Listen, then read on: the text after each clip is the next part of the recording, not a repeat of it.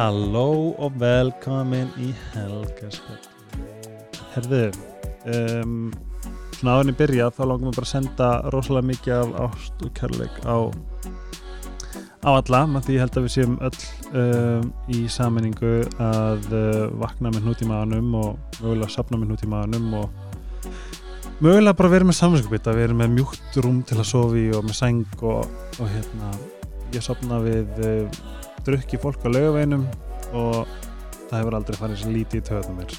Og þessa, hérna, þessa vikur og, og dagar sem ég sæði í þættinu með örnu þá eftir að hérna átökin hófust eða hófust eða bara urðu, urðu meira en tens ég veit ekki sem hvernig maður getur sett það aðlega í orð bara urðu að helviti en það verra helviti en það var fyrir þá um, þá svona staðnaði ég svolítið í hvað ég var að gera með allt saman podcastið og samfélagsmiðla og fannst mér grilla að vera að posta vídeo á einhverjum smúði þegar þegar allt þetta var eða allt þetta er í gangi og finnst það enda á í dag. En hérna er svona ég er svona bara ætlaði bara að senda ykkur smá ást og þessi þáttur er bara svona handa ykkur og, og til mín er komin svona kona sem að ég hef gæti ekki haft meiri ánægi af að fylgjast með og hlusta og lesa það sem hún skrifar og hvað hún segir bara fyrir okkur í, í landinu og er að berjast með uh, öllu hjartanu, það er Sema Erla Serdarlö. Er það greitt með? Serdaróli Serdarólu um, og eins og segi bara takk fyrir þig. Þú ert að vinna svo stórkoslega vinnu og gæti ekki haft meiri virku fyrir ángriðs ég finnst bara magnað og sért hér, lifandi og andandi sko. Með allt sem það hefur hérna, þurfa bara vera standi og ég er hérna í dag uh, líka til að læra með ykkur sem er að hlusta af því að ég held að við sem öll saman um það að við viljum gera okkur besta og, og hérna hvernig við bara svona beitum okkur og, og gagvart gagvart bara þessu styrlaða lífi og styrlaða heimi sem við erum í. En uh, áður en að við heimist handa þá uh, þá þurfum við að fara yfir góðu vini mína sem hjálpum mér að halda þessu podcast í blúsandi gangi en það er Sít og Ger, iSerp, Sleepy og Netto.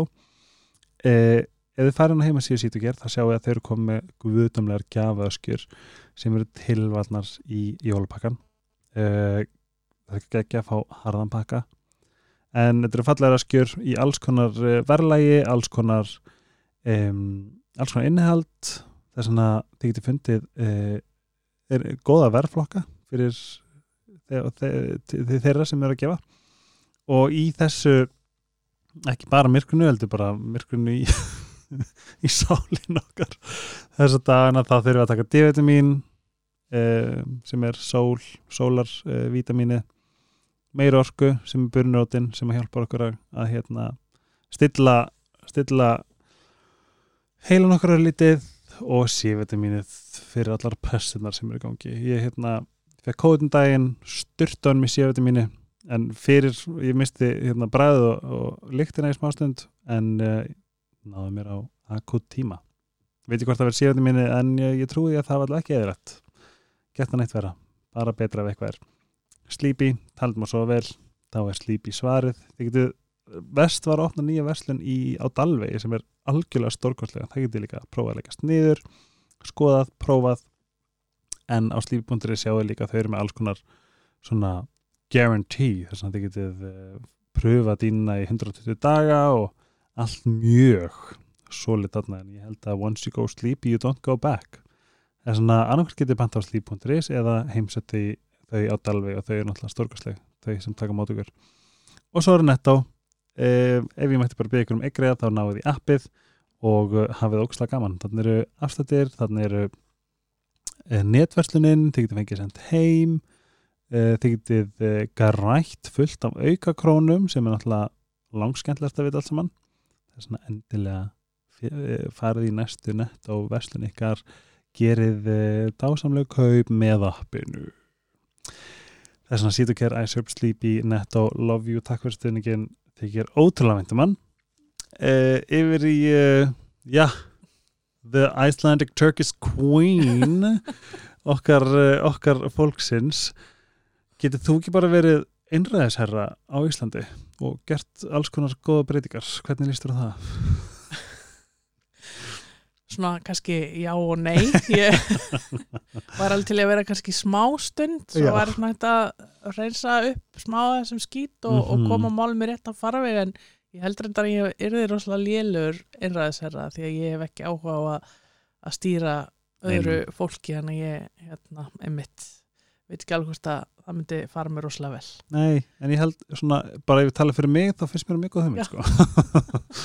um, það sem ég er svona fyrst og fremst áhuga er bara how are you holding up, bara hvernig, hvernig líður já, bara beint í erfiðu spurningana sem Já, ég- ég er lítið að spara.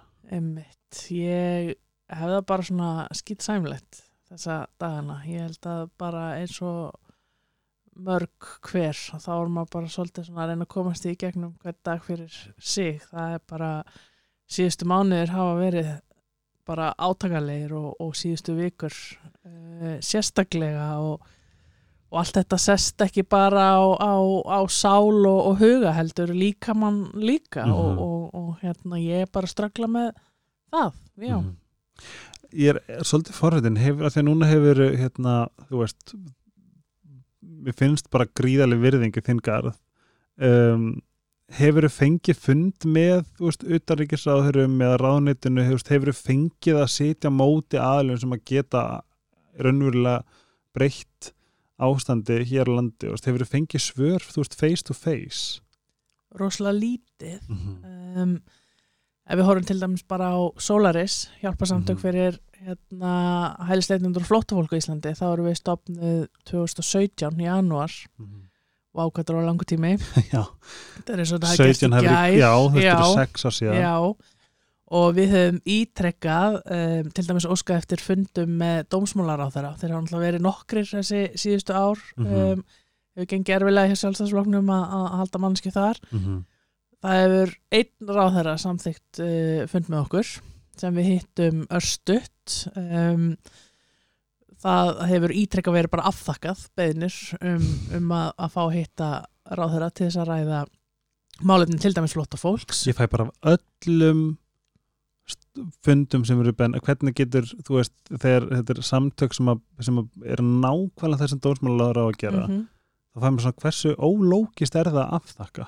Já, og, og meiri segja sko eins og núna ef við horfum til dæmis bara á það sem að gekka á hérna og hefur gengið á síðustu mánuði þegar, þegar hérna, stjórnvöld fóru að gera flóttafólk he- heimilislaust á Mhm. Íslandi mm voru að setja umsækjendur um alþjóðlega vernd á götuna sem Mhm. þeir eru bæðið við að gera ennþá þó þeir hafa opnað eitthvað neyðarskíla sem eru opið nokkur klukktum að dag Einmitt. að þá voru við að grípa þessa einstaklinga Mhm. og höfum verið að gera og erum að gera og vorum að koma þakki yfir höfuð á fólki og, og bara veita þeim færi til þess að bara geta fengið að borða og, og, og fara í sturtu og bara til uppfylla grunnþarfir manneskunar. Þá sendum við ítrekkaða beðinir til dæmis á um, ráðherra í ríkistjórn á, á sveitafjölu við vorum bara að beðið um upplýsingar bara hvernig hérna hvað ég var að gera við, við fólkið og við fengum aldrei neinsur aldrei svara neinu. Það hefur, aldrei, það hefur bara ekki verið áhuga á að heyra frá okkur eða hlusta okkur eða tala við okkur innan stjórnkerfisins sem er svo merkilegt að því að við erum þau sem erum yfirleitt í mestri námt við fólki sem er í slæmri stöðu vegna aðgerða stjórnvalda. Þannig að það hefur almennt ekki verið það er ekki nema að maður sé að afhenda einhverja undirskriftalista sem að fólk horfi framann í mann kannski nokkrar sekundur En þú Hvers það með neitt? Jakobsson daginn. Já, um, eins og hún, ég meina þú veist er hún ekki svolítið svona allavega vanlega þú veist fer inn í þetta allavega fyrir mína part hann fer inn í þennan hérna, þetta starf sem hérna sem uh, orðið farið, hvað er hún? fórsættisráðherra já, ég veist ekki hvað allar að segja um hana hérna, COVID reyndar að tóka með svolítið heilan á mér, ég er búin að týna öllum orðum, en hérna þú veist, maður fekk að hugsa, ok, frábært það, það er vinstri sinu kona orðin, Já. orðin fórsetis það er bara, nú hlýtur eitthvað núna er, núna er einhver svona samkendar fræ að fara að blómstra Einmitt. e, gerði hún eitthvað eftir að þú sendir lestan að hafa undirskiptalistan daginn heyrður þú frá henni?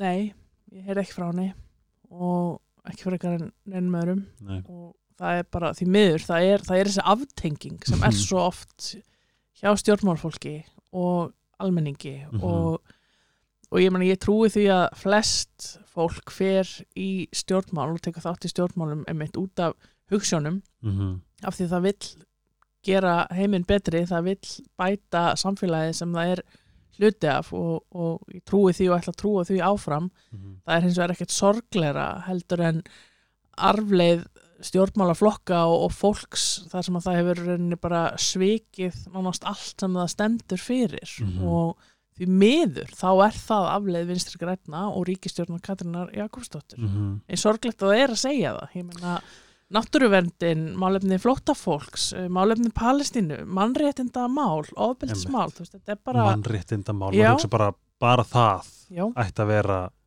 svo Bara- leiðandi. Ég hefði haldið það, bara algjörlega. ég hef einhverja tilfinningu og veist, ég- geti haft kolveitlust fyrir mér, en ég fæ bara svona það- mér líður þess að það sé eitthvað svona sjálfstæðisflokkar eiturski þarna inni, Mhm. að því ég hugsa sko, þú veist, ég sé það fyrir mér mér, finnst ég sjá, sjá þá sko, ef þú ættir að setja myndir hann að sjálfstæðisflokkin þá sé ég fyrir mér svona, svona bulli með krosslar hendur Mhm. og segi bara nei Já. þú veist, og gerir það sem að gerir þess að fá sínu framgeng Mhm.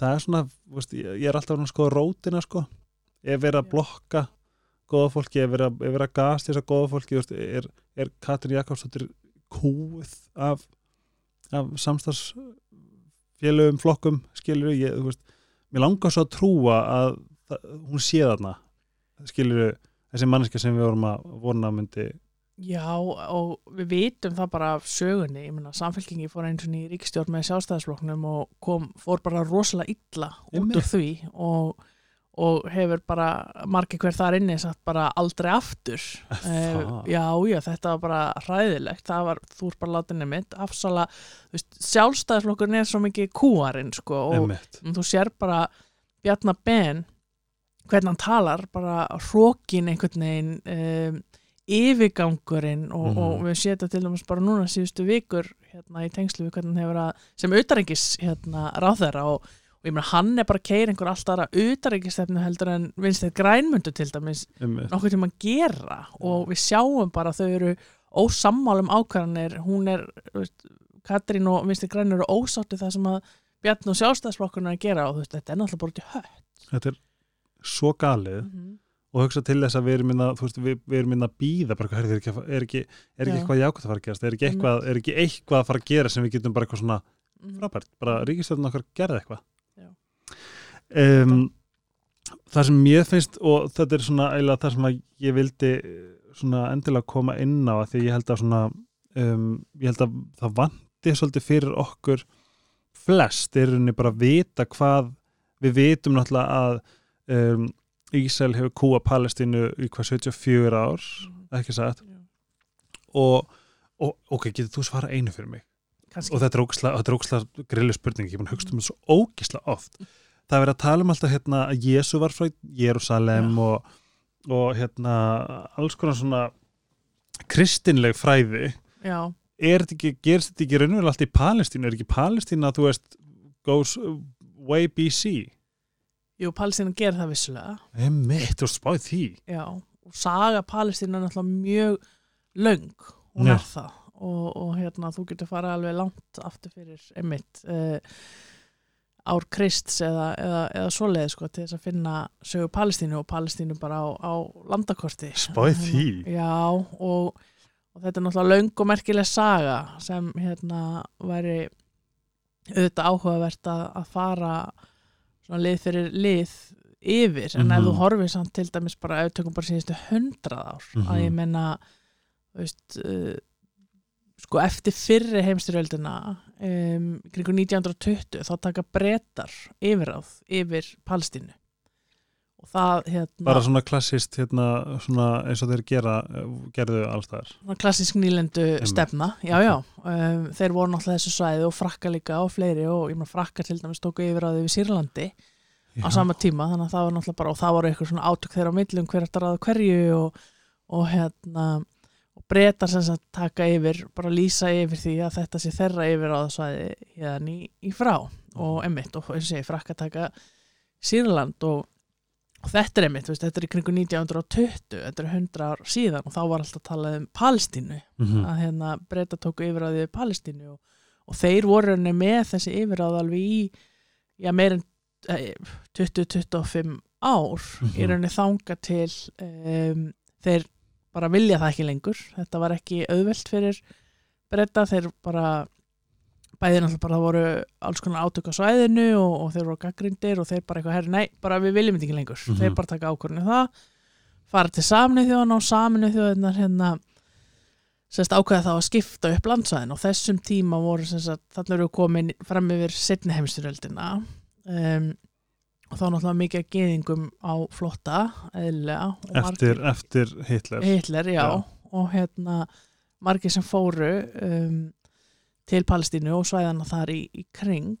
Og, og hérna og þá er henni taka bara saminu þjóðarnar upp á því að skipta þessu landsvæði. Í að uh, ríki þá geðinga og ríki Palestínu Araba. Saminuð þjóðnar eiga verið ógst að næs eða ekki? Jú og, og einhvern veginn svo magnað að ef maður horfir á þetta svona veist, fyrst þegar maður lærði þetta einhvern veginn í, í, í sögu í skóla þá okkur svona já, þú veist, jú, jú, ég meina ok, samlega þjóðna, já, það er að hjálpa öllum þú veist, Já. búa til þessi tvö Bjarga ríki.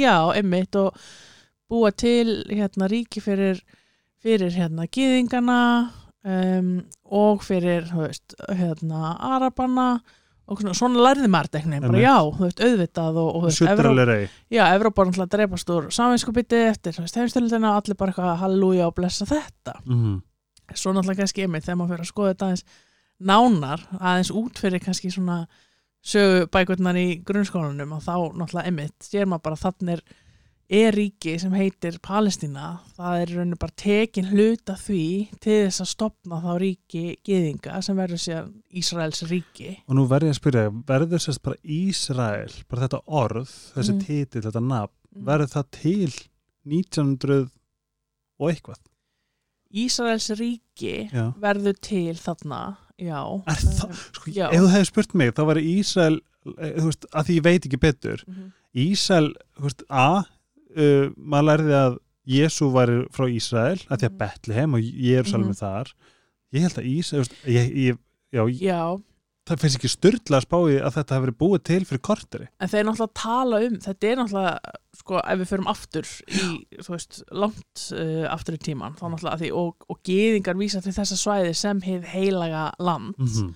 þess vegna fara þeir á þetta Þangað. svæði til þess að stopna sitt ríki, af því Já. þeir eru náttúrulega með einhverja biblíu tengingar og, og eitthvað svoleiðis, þannig að um, Já, Já, þannig að það er náttúrulega, það er, það er svo mikil saga náttúrulega svo margi sem er búin að vera einhvern veginn, yfirraðarna í gegnum tíðina og, Mhm. en, en, veist, Ísraels ríki eins og við þekkjum það í dag var stopnaður 1948. Oh my Já. god, ég er ekki að djóka ég, ég, ég er 32 ára, ég er heyrði fyrst skipti Já, ég er ekki að djóka A- þarna ári áður, 1947, það ákveða samnið þjóðanum bara þetta, búa til þessi tvö ríki og Ísraels ríki er stopnað þarna, ég held að það verið 15. Eh, 14. mæ, fyrir ekki, það er stopnað, 14. mæ 1948 er Ísraels ríki formulega stopnað, brettar stinga daginn eftir, þeir eru bara farnir. Takk og bless Já, og það sem er náttúrulega átakalegast í þessu er að um, það var aldrei samhlið að stopna þá þetta ríki Palestínu til hérna við hliðin á Ísraelsríki þó að aftur þá var þarna áður en það átti formlega að stopna þessi tvö ríki og það er rauninni brjótast bara út. Ísrael fer bara strax í, í stríð við öll nákvæmna ríki sín um leið og það er stopna Er það samt ekki líka okkur grilla? Þú veist, þú ert nýkomin úr basically bara, þú veist, bara komin úr frá, þú veist, úr hræðilegustu aðstæðum bara sem maður getur hugsað sér í hérna Ásvits og, og þar og fara svo beint aftur að stunda það sama? Jú, og það sem að náttúrulega gerist þarna er að, að sko Palestínu Arabar sem voru þessu svæði þá þeir voru aldrei samþykir þessari Nei. skiptingu og þeirra hérna, veist, fulltrúar og, og nágranna ríkin öll í kring voru það ekki heldur Mhm. þannig að, þannig að hérna, einu sem að voru sáttu þetta voru samni höfðnar og, og þeir sem örðu síðan þegnar Ísraelsríkis þannig að þú getur náttúrulega ekki bara sett eitthvað fram svo eitthvað svona samkomulega annar aðeins samþykir ekki hinn mhm, svo er mér bara stinga breytarnir af þannig að þeir náttúrulega bara skilja allt eftir í einmitt. ruslið þannig Einmitt. veist, það er bara og eðlilega þá náttúrulega bara hérna, fer alltaf strax að stað og, og Ísraels ríki raunni fer í stríð við nágrannaríki sín og stækkar sig strax þeir taka yfir meira landsvæði heldur en þeir áttu að fá útlitað samkvæmt voru þeir með samningi. Fjárhagsstuðning frá veist, hvernig upp á að kaupa vopn, var það bara eh, Amerika og Bretland bara verð svo góð? Það hefur náttúrulega alltaf verið bandarækjumenn hafa náttúrulega alltaf verið helsti og bara stærsti stöðningsæðili á Ísraels ríkis og, og hérna og er það enn, náttúrulega það er bara mókað hérna fjárstöðning í, í, í Ísraelsríki Mhm. og, og hérna þannig að já, já, það, þannig að það er einhvern veginn bara svona nánast bara á sömu sveipstund og ríkið er stopnað, þá byrjaði strax að taka yfir þess að landsvæði sem átti ekki tilheyra þeirra ríki Þetta er svolítið aðslan spurning, kannski, kannski er hún mjög frábær. Mhm. Um, nú er náttúrulega Amerika bara Christian maniacs, bara Jesus Lord Christ, var hann, er ekki verið að tala um palestinumenn? Er þetta ekki, er ekki, gerist ekki í Palestínu? Er ekki, ekki jú. Jésu palestinumæður?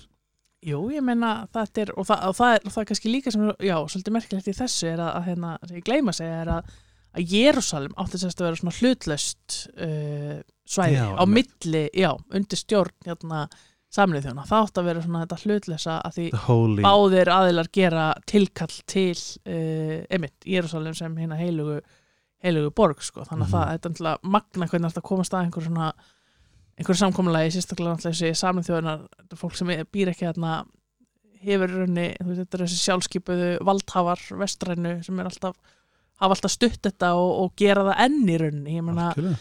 Ísraelsríki væri ekki búin að komast upp með þessi með þessu kúun og ofríki einmitt, 75 ár pluss ef ekki væri vegna þess að þau hafa alltaf haft hennan vestræna stuðning, bæði Mhm. leiðtoga og, og alþjóða stofnana þannig að það væri náttúrulega bara Mér hægt finnst ég bara, mér heila mér er bara svona svoðin, sko, því að maður hefur séð á myndunum, maður hefur svona já, já.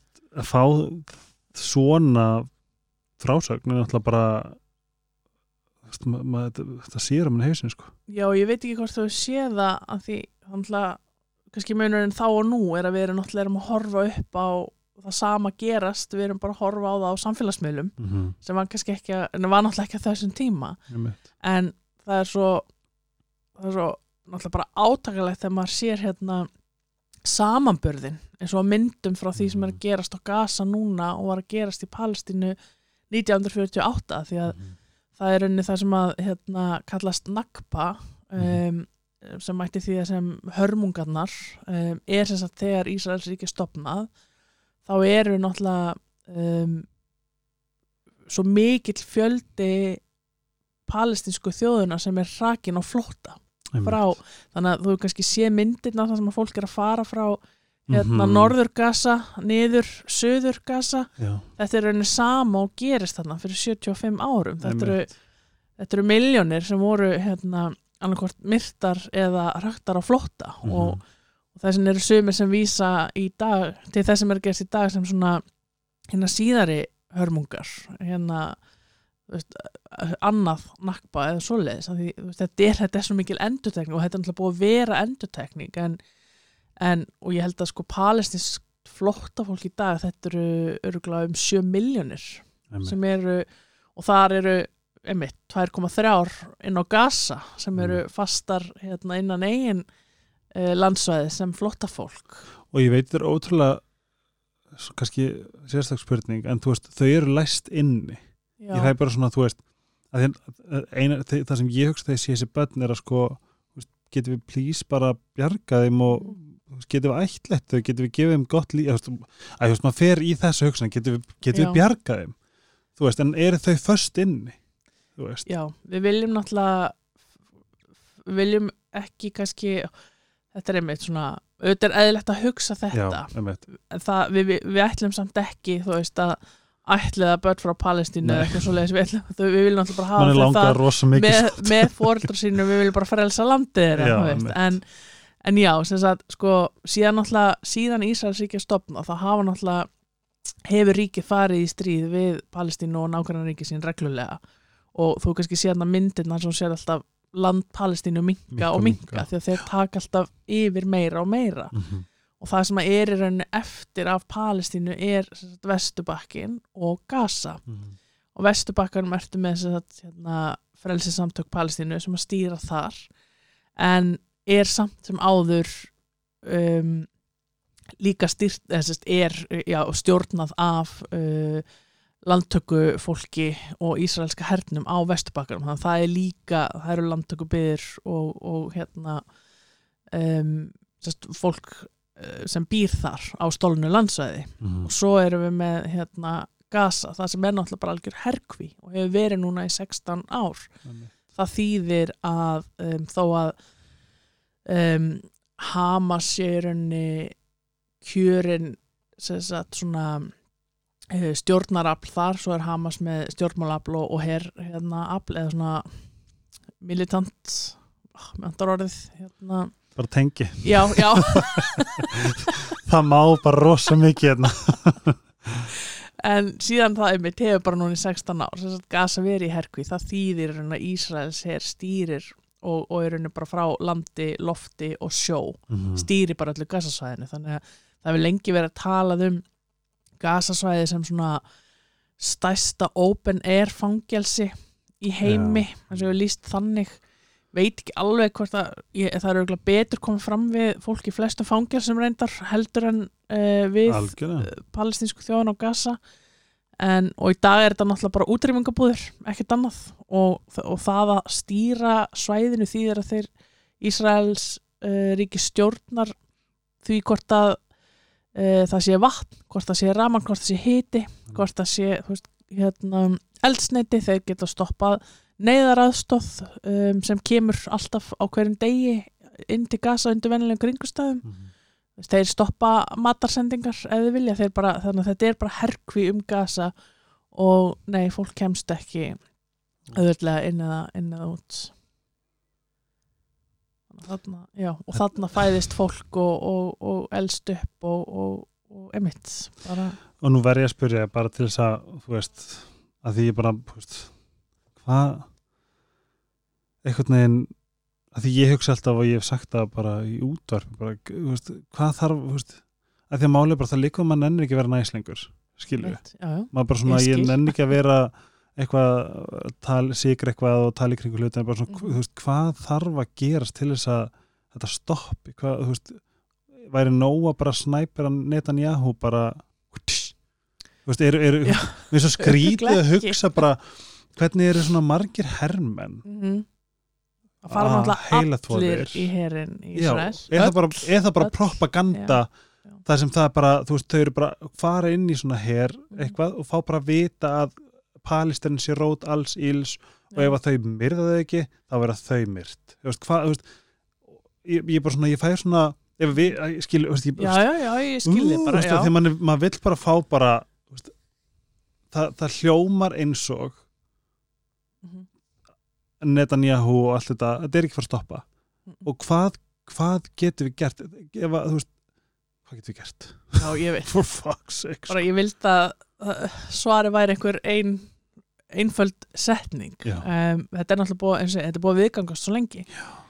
og þú veist, jú, Netanyahu er náttúrulega gjössalega störlaður og, og hann er náttúrulega búin að vera veist, lengi aðna við völd og, og þau stjórnvöld sem eru í Ísrael núna eru eru ansi oftækis nei, þú veist ekki, oftækis fullir ekki orðið yfir þetta, þetta er svona þú veist uh, að þau eru náttúrulega bara eins og við sjáum hvernig þau tala er að þau eru ekkert að fela neitt lengur, það er bara núna kláru þetta nú bara, Mhm. þú veist, kláru að taka yfir gasa, við bara, Yep. þú veist klárum þessar þjóðurnisreinsanir sem við erum í, þetta er kannski svona oft verið nettara einhvern veginn Mhm. og, en, en það sem er náttúrulega þetta þýðir líka, þetta eru stjórnvöld sem að Ísraelsk uh, almenningur kýs.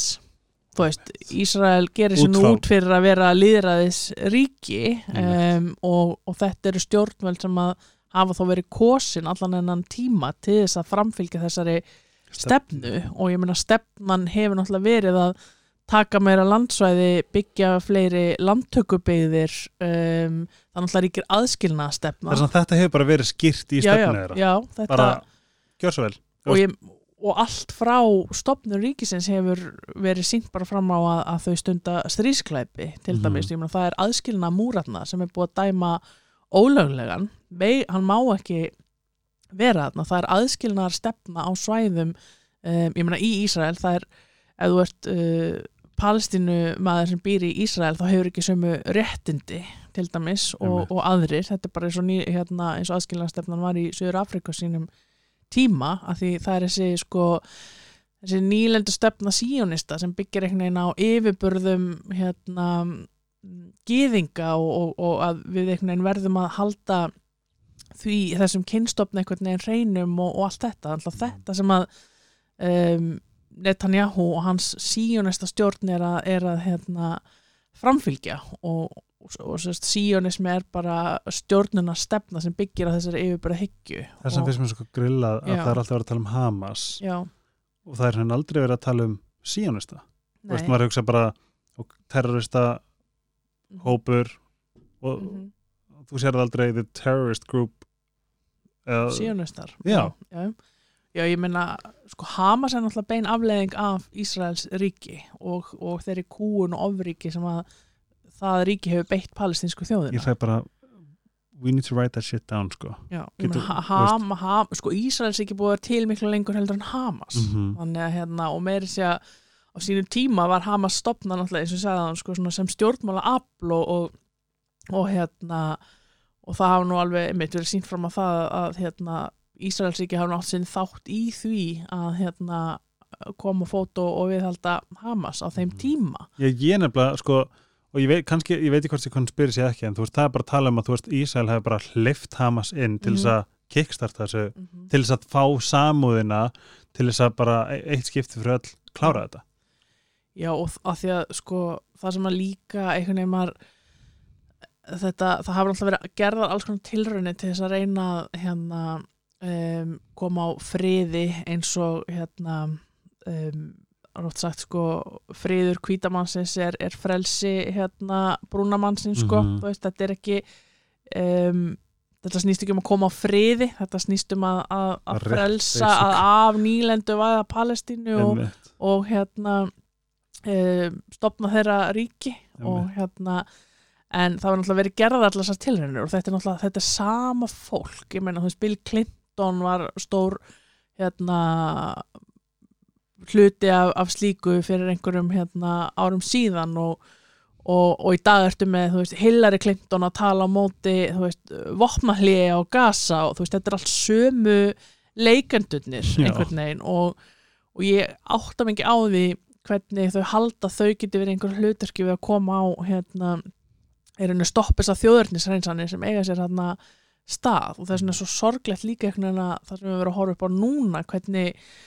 bara við höfum séð ég meina Evrópusambandi, saminuð þjóðirnar allar þessa vestrænu leiðtóa, þú veist, það er bara svo margt sem er að ofinberast einhvern veginn, þú veist, við höfum Algjörlega. einhvern veginn svona haldið við í að þessir aðalega séu þeir sem að mun einhvern veginn bara, ég bara koma frið í heiminum öllum skilur og, og ég meina ég meina bara hann að stríðsklæpir, maður held að það væri þá bara afleiðingar já, og það er ekkert rík í heiminum sem hefur brotið jafn mikið af samþyktum samlið þjóðana eins og Ísraelsríki. Einmitt. og samlið þjóðinni gerir ekki neitt. Ekki neitt. Og neitunavald hérna, bandaríkina í öryggsræðinu hefur alltaf stoppað allar tilrunir til þess að hérna, um, láta Ísrael svara fyrir styrkleipi sína. Mhm. og ég meina það hefur nú verið ráðist inn í ríki með Austurlöndum fyrir hérna brota færi samþyktun til dæmis veist, og bara hefur tekið yfir og, og hérna Mhm. þetta, þannig að þetta, þetta, er, þetta hefur alltaf verið með stuðningi vestarætna leiðtóa og stopnana en við höfum kannski bara svona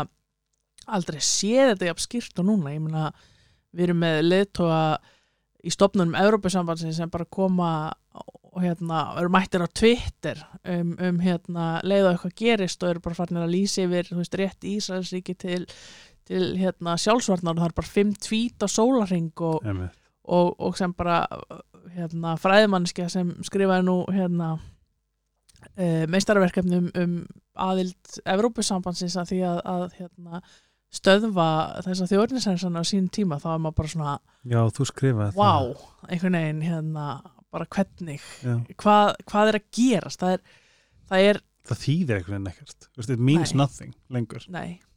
Veist, Allt þetta sem veist, að eins og, eins og ég upplifi ég get, ég get greipið ykkur einustu vonar gláðu. Mhm, bara, mhm. oh my god, kannski er eitthvað þarna. Og það er eitthvað svona, þú veist, bara þegar Ragnar Sigurar kom upp á pontu og bara actually talaði fyrir hönd Mhm. okkar en að þingi ég bara svona, ok, hún, ok kannski er hún að fara, veist, þetta er bara svona bara svona, svona litli hlutir. Já. en svo einhvern veginn í stórumenginu, það er maður bara svona býta nú við hvað? Það er samt líka mjög áhugast að staldra þessu þetta af því að það var eftirtekta verð þegar þinguna fór upp í pontu á þessum tímponti og talaði um Palestínu. Eftir já, hvað, 40 okkar daga. Við erum á degi það er lögadar dag, já, það eru þetta eru konar sjö vikur, þetta eru 49 dagar núna og og hún er vara, eftir, og hún er já, vara þingmaður sko. Og það þótti eftirtekta verð mm sko, ef þú kíkir til dæmis á írska þingið Það veist, það er allt brjála rjála, já, það er, það er svo geggja liðana bara hvað ætla að gera til að stöða þjóðamórið sem er eiga sér stað þú veist, þeir eru þarna.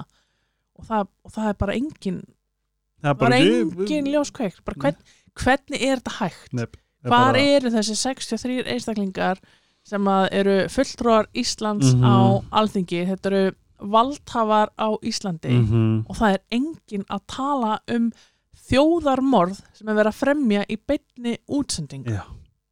Ég bara, ég, ég bara skil þetta ekki.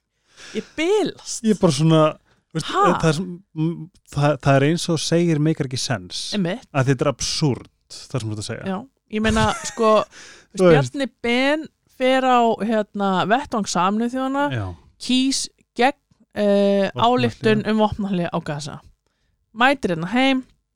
Ok, hann og Katrín eru ósamála það var ekki fyrir en eftir mánuð af sko ítrekkuðum mótmælum Mhm. samstöðufundum tölvupostum sem almenningur var að senda á hérna, stjórnarfólk. Um, ítrekkar yfirlýsingar frá alls konar fagstjettum, frá mannreitindasamtökum þú veist bara fólk var bara halló, hvað ætlið þið ætlið þið ekki að breyðast eitthvað einna við? Einmitt. um, það var ekki fyrir en eftir mánuð að alþingi kom sér saman um að hérna, álíkta um vopnalli þetta er bara þetta er aldrei gerst að það hefði ekki verið til dæmis bara fyrir hérna, því bara því að fólki var eðlilega misbóð sko ég málega bara það sem að allavega bara upplifin að standa fyrir saman ráðherrabústæðin og Mhm. hérna mótmæla. Að sjá fólki að, eins og sagði við hérna Rögnu að horfa á átta lögruglu þjóna. Gegn okkur til þess að vernda, ég veit ekki sem hvað er að vernda. Einhver ráðherra bíla held ég. Já skilju, ég er bara svona hvað, byrju, hvað er það að gera, við erum að tala um, að tala um þjóðarmorð Já. en þeir eru þarna fyrir þau. Mm -hmm. Mm þetta girðing á milli Girðing á milli. og, og svo er, þeir allt, svo er alltaf fólk að fara í gluggan og bara svona einmitt. horfa á Já. okkur pesant sem að bara, myndir og svona já, þú veist, Mm. þetta er svona þetta er svolítið svona þetta er svo mikil aftenging og þetta er svo, þetta er svo grillað að standa þarna já, og aðri hlæja Mhm. ráðherrar hlæja ég, Mhm. þú veist, ég horfði á, horfa á hérna uh, sjálfstæðis uh, skvísur glotta á leiðinu upp, mm -hmm. skilur ógislegt þetta er svona, þetta er svona ég veit það. þetta er svona pjúra þú veist, ég var að horfa, ég tók ég, maður minn tók um Hunger Games marathónum daginn, já, þegar ég fekk bara svona já, já, herrið, Hunger Games, það er bara based on these events. Mhm. bara, hvað er það að tala um? Já. þú veist, mér langar bara að vera Katniss Everdeen. Já. mér langar bara þú veist, Capital bara, pff, ég veit það tjók, ég vil alltaf ekki, ég vil ekki fara með henni sko. nei, nei, en á sama tíma er hægt á maður bara að vera algjör bara friðsæl mótmæli og dúti dúti dú, er það að skila einhverju? það þarf náttúrulega að kalla uh, valdhafa til ábyrðar og það er það sem við erum náttúrulega að gera og Já, ég meira bara svona ég veit það, can we turn this shit up?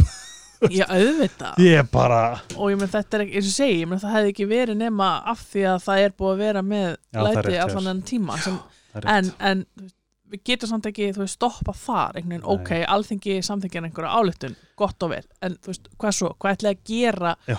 þú veist, ályktun hefur ekkert vægi nema það sé greip til einhverja aðgerða til að fylgja henni eftir. Og, og þú veist, það að og bara eins og núna við vorum, að því nefnir fyrir utan bústæði, þú veist, ég var komin að sko hinum megin við götuna. Ég var með Mhm. alveg hann ég var bara, við vorum brjóst í brjóst sko, ég og einn lögreglu Mhm. þjóðnin hann um, hann var örglar pentarinn að beða mig um að færa mig en ég ætla að færa mig ekki raskat. Mm og hérna tók ég um eftir að það var einhver sem var að loka öllum gluggunum. Yeah. og ég bara svona, ó, þetta er svona já, og Þetta ég bara, svona, já, ok. Og hérna, en sko það þarf að eins og segi, það búið, að reyna einhvern veginn ímislegt og, er, og sko ástæðan fyrir því að það hefur ekki neitt af þessum þessu skila árangri er náttúrulega vegna þess að allar leiðir til þess einhvern veginn að, eins og segi, koma á friðin að gesalappa það hefur aldrei verið í þáu palestinsku þjóðarinnar Mhm. fattaru, þú veist, það er alltaf gert með hagsmunni Ísraelsríkis í Mhm. huga og, og að því þau einhvern veginn og hvernig innan, aftur innan geðslappa þau að geta hérna lifað í, í friði. Þú veist, þetta friður er bara ekki rétt að hugtaki þess er ég að gera þess að geðslappir. Já, hún er að gera Að gæslappir Já, nei, ég meina alls bara áður vorum að tala um, þú veist, herin og þetta, ég meina, sko, það er herskilda í Ísrael, já, það þýðir að hver einast, sko, og hún næri yfir allt fólk, sem sagt, uh, oft er herskilda smá við um karla, en í Ísrael fara öll í herin, og þannig að, þannig að þetta er náttúrulega bara, þau eru mæta til þess að framfylgja þessari hérna, stefnu, þau kjósa þessa hérna, ríkistjórn ávallt, en það sem er kannski svona um, merkilegt í því samingi er náttúrulega að það er þá hægt að reyna stöðla að því að almenningur í Ísrael uh, kjósa eitthvað annað þú veist, og, og það er henni getum sem að treysta það? uh, það það hefur ekki virkað hinga til. Ok, en það sem að sko palestinska þjóðin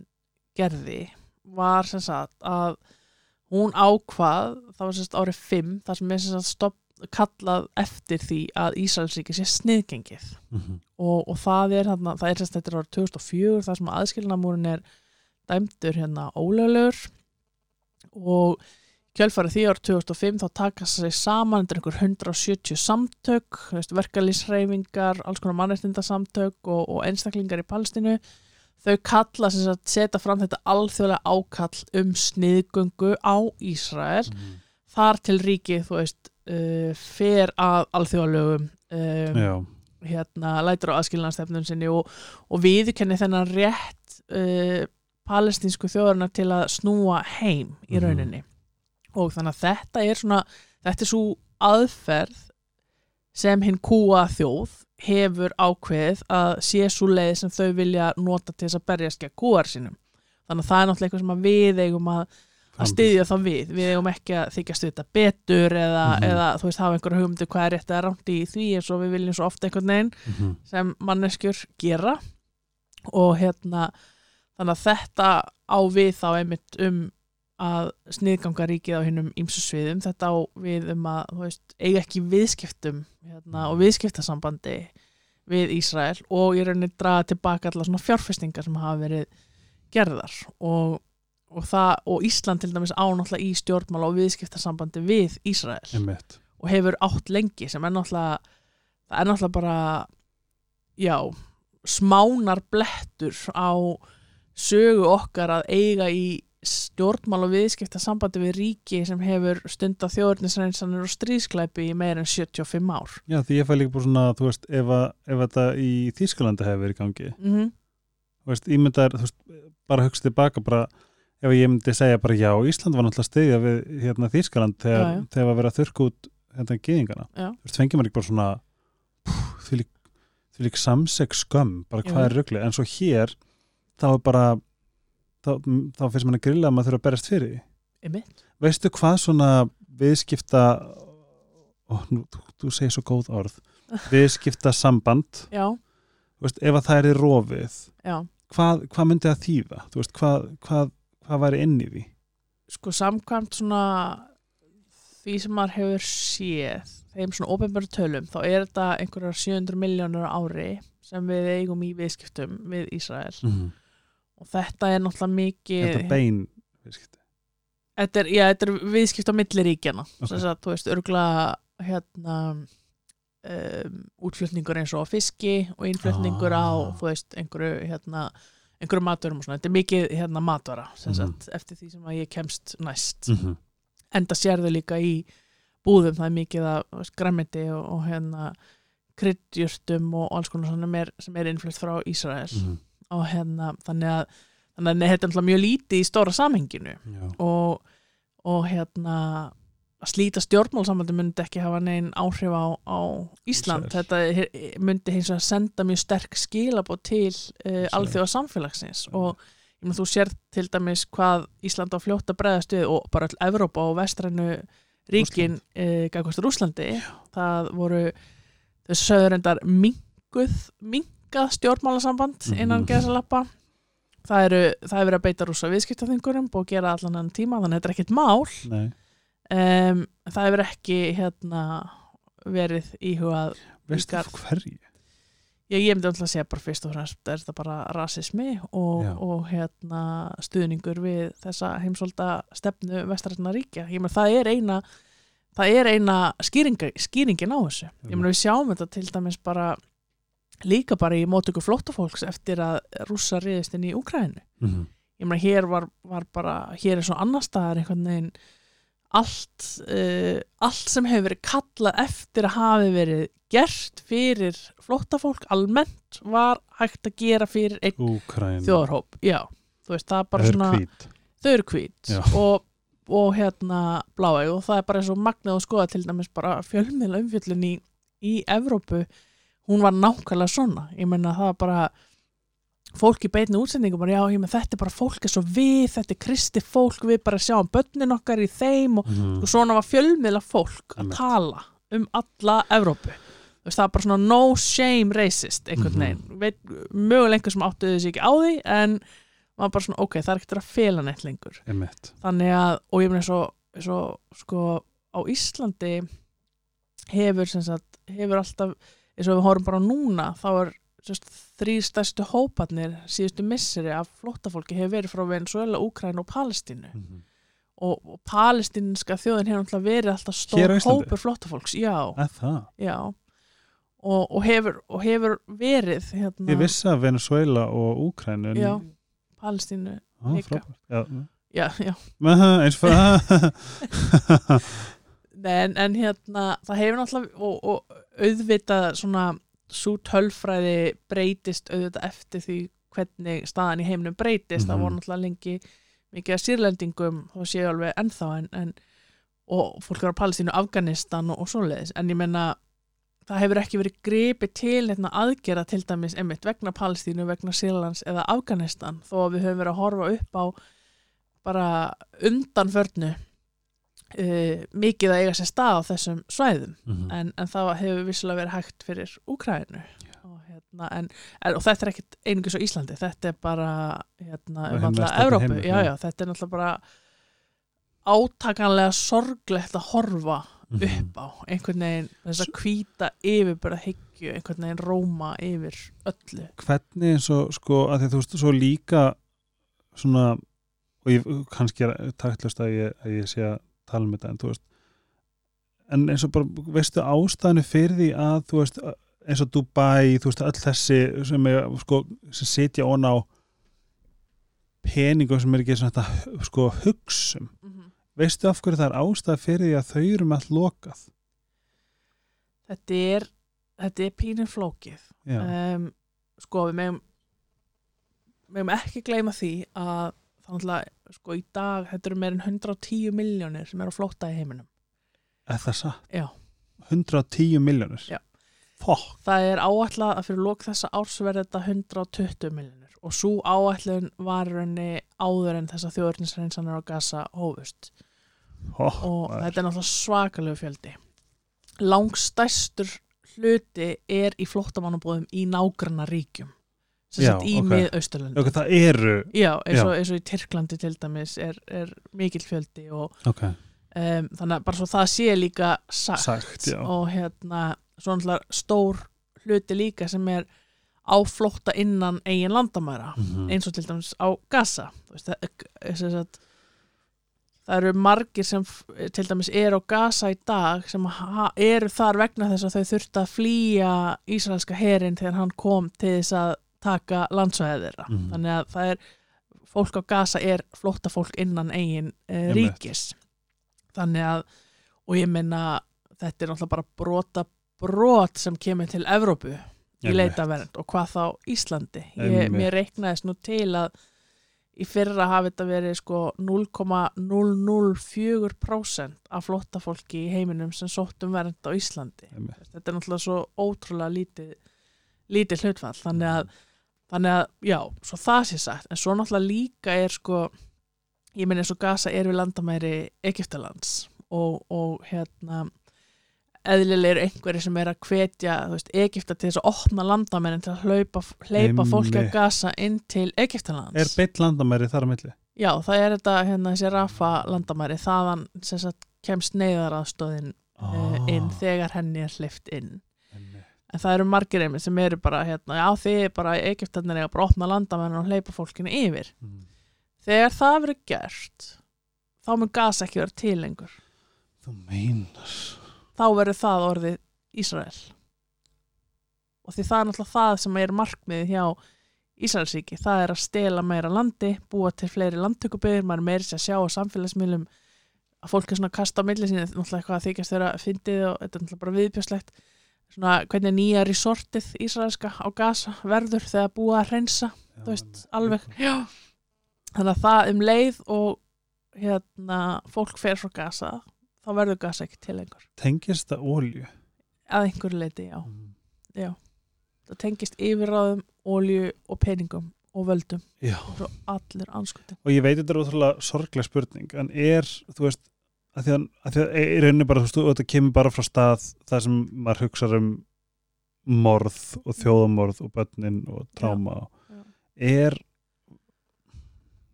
er, þú veist, er þetta það sem koma skal? Að, að, að gasa verður ekki til? Að því ég hugsa bara á meðan Amerika mm -hmm. er til. Er þetta ekki það sem koma skal? Að, að Palestina verður þurrku út.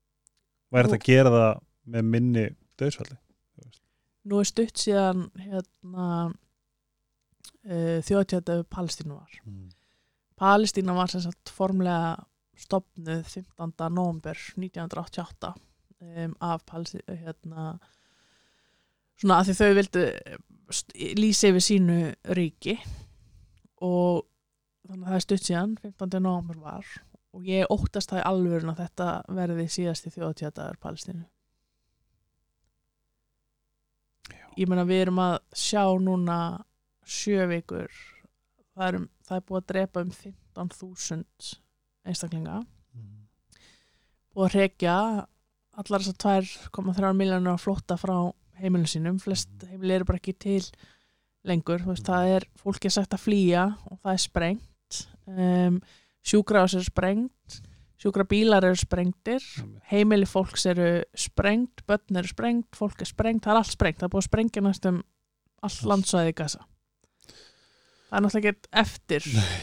Ég er bara einhvern veginn, þú veist, mér þú veist, já, ég er bara einhvern veginn og, og þeir þau eiga náttúrulega ekkert sjens Nei, ekki á meðan það grýpur enginn inn í og stöðvar Ísrael. og ég held bara að fólk sé bara búin að sína sitt rétt andlit og það sem það er svona vonanisti minn er og það er held ég svona að þú veist, að ef þetta er staðan, þetta verði svona the inevitable, það sem mun gerast að þau verði, þú veist, held accountable. Þú veist, ég, þú veist, máli bara þetta er ofsor, þetta er bara að öllu, að öllu, á öllum hotnum er þetta svo ógesla mikill viðbjör og svo ógesla sorglegt. Það er það. að maður bara Og ef Ísrael mun ekki hætta stoppa þarna, þú veist, það er allir vestubakkin eftir.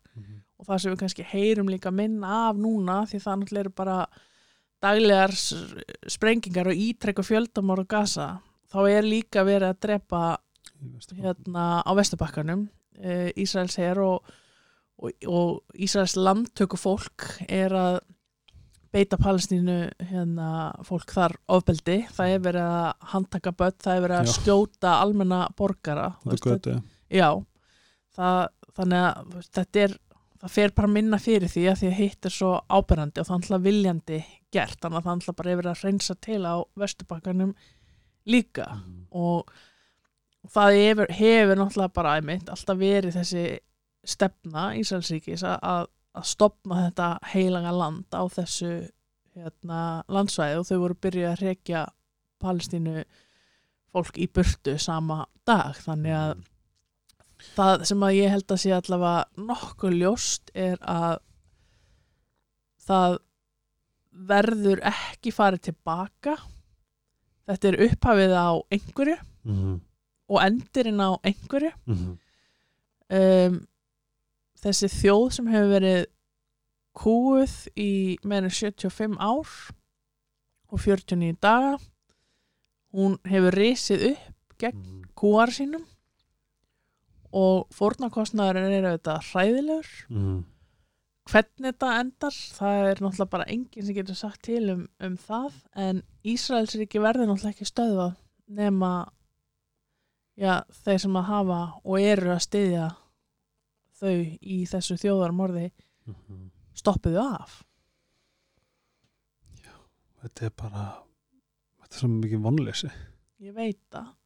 En við verðum, ég meina sko palestinska þjóðum mun aldrei hægt að berjast fyrir frelsinu aldrei. Það er nefnilega einmitt sem ég er að Já. hugsa. Þú veist, að því ég hugsa sko Hamas, því meira sem að þau sprengja Mhm. ha, þú veist, hvað, hvað heldur að mikið af nýjum meðlumum Hamas að, að rekrútast á hverjum degi út af þessu ógeð sem að er verið að gera skilu ég meina ef að, ef að Ísraelsríki slátrar allir fjölskyldinni og þú lifir það af ég myndi fara að loður þetta í Hamas sko það myndu, hver, við, sko. myndu mun- við myndum öll gera það þú, þú myndir vilja leita réttlætis Já. fyrir Já. fyrir að það tökum til greina heimilið já. það sem við erum að tala um, við erum að tala um að myrða fjölskyldu einhvers veist, þeir, það er búið að þurka út alveg nokkrar fjölskyldur Mhm. á Gaza, það er, bara, það er ekki neitt eftir Einmitt. í sumum veist, það er bara línan, blóðlínan er bara stopp, hún er ekki til lengur. Það er bara engin sem lifði af. Og ég meina allir þessi feður að kissa látnu ungabönni sín ég meina halló þú veist, við erum öll mannleg, við erum öll manneskjur við myndum öll bregðast eins við.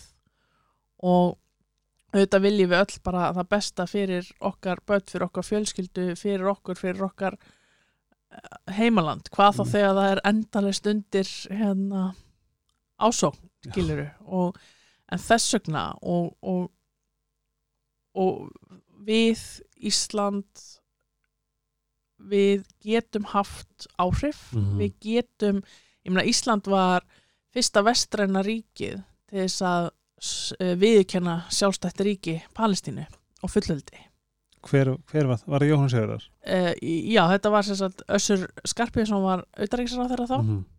og hérna alþingi sem sagt samþykti álíktin þess efnis áhugert að minnast á það að, að Sigurður Ingi sem er, er uh, formað Fransónflóksins í dag og ráðherra og Ásmundur uh, Einar Mhm. barnamálar á þeirra uh, og Katri Jakobsdóttir. Þetta eru þrý ráþeirar á alþingi í dag sem að greittu mitt með þeirri yfirlýsingu. Og það indi núna. Heyrist ekki múk í þeim? Til dæmis barnamála ráþeira þannig að það er- mjög bara the áhugavert. irony í alvörinni já, en veistu hvað er líka ennþá sorgleira að alla tíð síðan Mm. hefur sko vinstri grænir þau hafa kallað eftir slitum á stjórnmálsambandi þau hafa kallað eftir viðskiptabanni á Mhm. Ísrael með þess að framsóknar, sko framsóknarflokkurinn e, á sögulegan stöðning við Palestínu Mhm. framsóknarflokkurinn hérna einmitt kaus meðal annars með þessari álíktunum um sjálfstæði Palestínu og, og það hafa verið öflugir áþærari framsókn sem að voru mikil bandamenn palestinsku þjóðarinnar Mhm. Og, og allt frá 2010 hafa þessi flokkar kallað eftir þessu. Um, það var til dæmis, einmitt, ég held að það verið 2010 sem var ráðist á tyrkneska skipalest Mhm. sem var að fara með hérna, neðarast til Gaza. Þá var allt vittlust og, og þessi flokkar einmitt töluðum að slíta stjórnmálasambandi að skoða það og landsfundu vinstir græn árið 2015 álitaði það að þjóðarmorð verð- verður ekki stöðvað með aðgerraleysi kölluð eftir sliti á stjórnmálasambandi og viðskiptabanna á Ísraelsríki. Og núna er þjóðamorð í gangi og það er ekki þau ætla að neitt. stöðva það með aðgerraleysi Já, Já.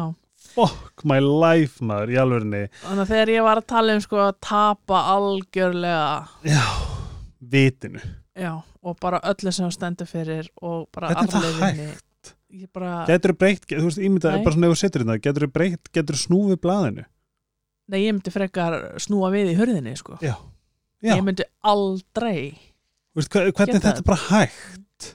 Og ég hef alveg verið skömmu í gegnum tíðina fyrir eitthvað, ég, ég var lengi til dæmis í samfélkingunni og syndi alls konar embættum þar og, og ég hef alveg verið skömmu af, af formunum og, og ætti að taka út einhverjar fæslur á Facebook og því ég var að gaggrina Reykjavíkuborg fyrir að draga tilbaka hérna, þú veist, álitunum um, um hérna að kaupa ekki vörur frá Ísrael og eitthvað svona, þú veist, en ég bara nei Einn sætur miðfingur á það Já, já, ég bara, þú veist, ég frekar, ég sé, snífið í hörðinni.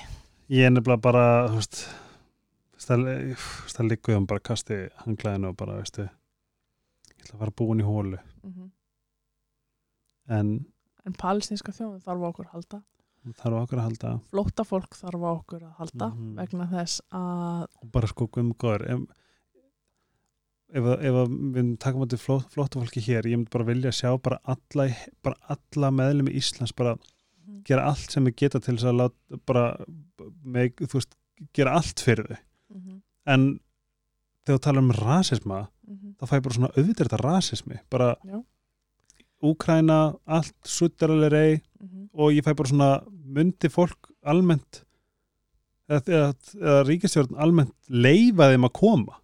Þú veist, myndi þau undibúa eitthvað? Myndi, þau, myndi fólk hjálpa stað getur við gert fjöld, fjöldasöfnun og getur við æskilu, en þá fæ ég bara svona það, það er potið ekki þannig. Og við skulum líka einmitt ekki glemma því og í þessu samhengi til dæmis að það voru náttúrulega samþykkt lög á alþingi mm -hmm. sem að gerði það löglegt að svifta umsækjættar um alþjóðlega vernd allir þjónustu.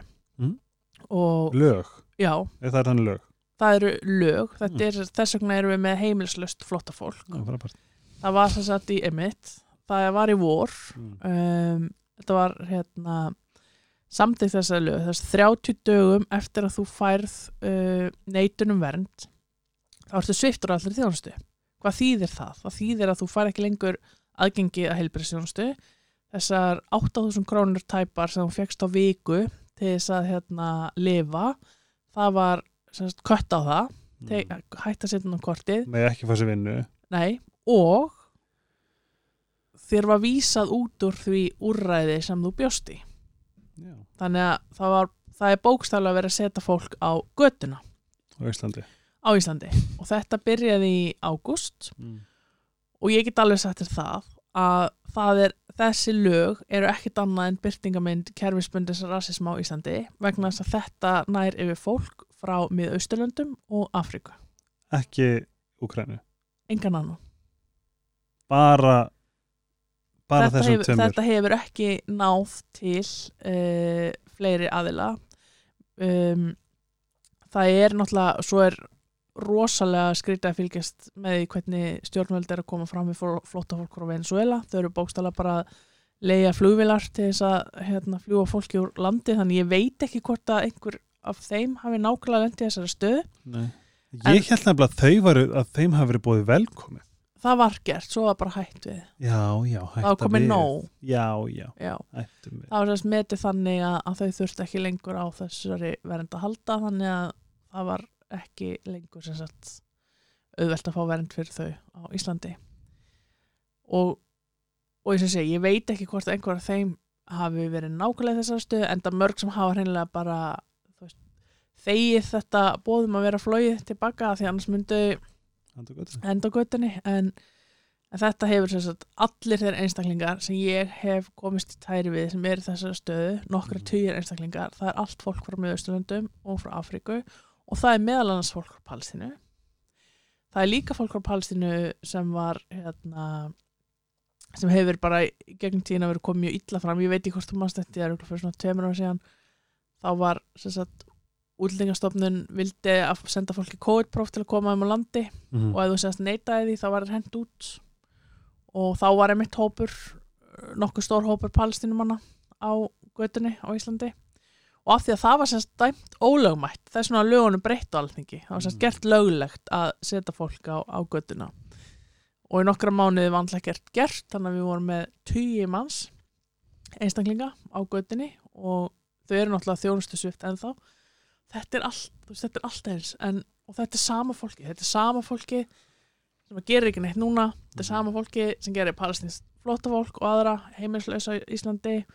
Og svo er einhverja sem bara í alvörunni sjá ekki hræsninni í að mæta síðan á samstöðufundi fyrir palestínu. Mhm.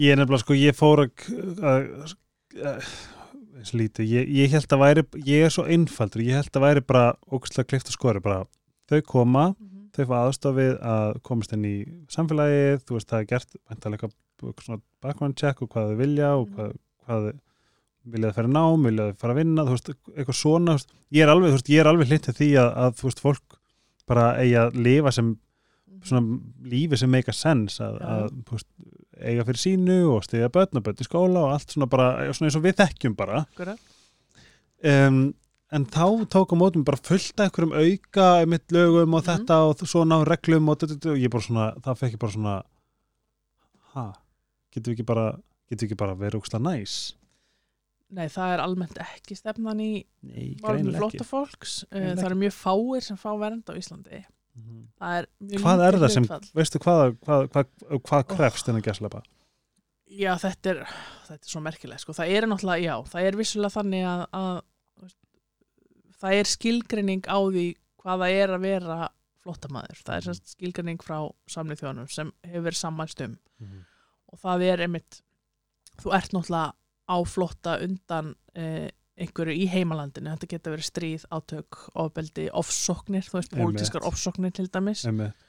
Og, og þú af einhverjum ástæðan getur ekki, einmitt slíkum ástæðan getur ekki verið í heimalandinu eða fengið vernd frá slíku í heimalandinu. Mhm. og svo er náttúrulega einmitt nær þetta líka til dæmis ef fólk sem er ríkisvangslaust sem er Mhm. þá hérna, ekkert ríkirenni sem ber ábyrðaður og þannig að það er vissulega skilgreiningin. Svo er þetta náttúrulega með einhver lög, eins og svo er við erum með lög um útlendinga sem kveða á um, um einhverja skildur eða eitthvað sem þú þarft að uppfylla til þess að vera fá þessa viðurkenningu á því að vera flottamæður Mhm. og, eða flotta fólk og þetta er til dæmis lög sem núna alltaf verið að þrengja og þrengja og þrengja alltaf gera erfiðar og erfiðara að fá stöðina viðurkenda Mhm. Þú veist, það er til dæmis almennt þannig að það að vera þólandi mannsals Já. Uh, ætti að leiða til þess að þú fáir vernd Mhm. í ríki um, núna er það til dæmis ekki endilega á Íslandi ef að það er hægt að sína fram á til dæmis að það sé einhver samtök í heimalandinu sem hjálpa þólendum mannsals og svona dæmi svona hvernig er Einmitt. að því tólkunaratriðin verða svo mörg að við erum komið svo langt frá því einhvern veginn að skilgreiningin um hvaða þýðir að vera á flótta dugi til þess að fáir vernd af því þetta er alltaf verið að þrengja og þrengja og þrengja og ekki bara í Evrópu, þetta er út um alla en ekki bara Íslandi ekki, þetta er um alla Evrópu Mhm. og það sem að gerist á sama tíma er það sem að við kallum svona öryggisvæðingu flottafólks Mhm.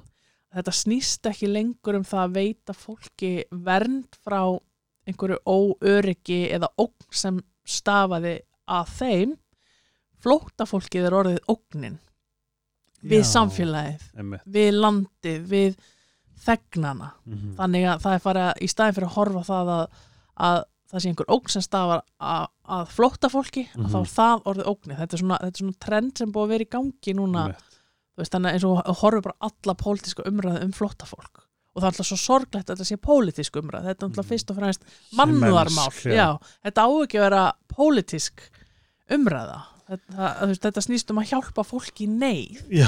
Á ekki að snúast um, um mitt, hvernig þú ert að litin eða hvað þú ert að flýja eða, og ég meina ég get alveg sagt þér frá tveimur nánast nákvæmlega eins málum sem ég hef séð en annar aðilinn einhvern veginn fær vernd en hinn ekki, þú veist, þannig að þetta er orðið svo mikið Ég, eins, eins mikið, þú veist, þetta, þú veist Þú veist, maður verður bara maður, eins og maður verður ekki þunglitur fyrir sko. ég veit það og sorglegast að svo verður nú aðeins tunglindari er að svona hefur stefna Íslands alltaf verið við tókum til dæmis almennt ekki móti geðingum sem voru flotta í alfunni, uh, veist það hverju? Íslands stjórnvöld vildu ekki Já, geðinga til landsins, það vildi ekki flotta fólk sem var að flýja um, jóðum nazismann, já. Já. það voru mjög fá sem fengu vernd mm. þetta er, þetta er eitt af svona því sem maður er almennt ekki talað um. Mm þú veist, þetta er svona, við viljum helst ekki vera Við erum svo já, næs já, Mm. en, en þetta hefur alltaf verið stefna. Það var ekki nema okkar sínt fram á okkur svona mjög sérstakt til dæmis sem hagnaðist íslensku sem íslensk samfélag geti hagnast af á fengir vernd að og, og svona hefur þetta alltaf verið. Um, þannig að stefnan sem er ekki í dag, hún er ekkert frá brúðin þeim tímum? Hvernig væri að gera bara vopnaversmiður ólulegar? það væri ein leið til þess að Slútt þessu öllu. Já, ég menn það er alltaf þessi það er alltaf Getur einhver gert þetta þegar þú verður einræðis? já, banna bara vopn og loka öllum Ég er bara af hverju ekki? Bara, Já, þetta er þetta með gróðan það, það er bara skil, það, er, það, það, er, sko, það er líka bara að, ég held bara að heimsins vandamál er að eiga aldrei nóg. Mhm, aldrei nóg, mhm. skilju Já. vorum eitthvað að tala um daginn hvernig, hvað, þú veist bara, eða væri aukslega ríkur lalalala, ég bara svona, þú veist, maður heldur alltaf að maður vilji vera ríkur. Já, svo þú fyrir actually að spá í því. Já, langar ekki bókstælega bara að geta lifað Mhm. vel. Ef þú áttu ofstort hús, það þýðir að þú þarfst að þrýfa það ókslega mikið, skilju jú, jú. æ, skilju, já, ég skil þið þú veist, ég fæ bara svona, þú veist, er þetta ekki, þú veist, ég, sem betur fyrir fólk að vakna, maður finnur það sko á jólunum, ég veit ekki, þú veist, ég held að allir vinnir mér séu eitthvað svona, hvað Pff, ekki neitt, mér langar bara í smá að því okkur vantar ekki neitt. Ekki raskat, Nei. Og, og þetta er sko alltaf það er alltaf einhversu græðir á stríði og átökum.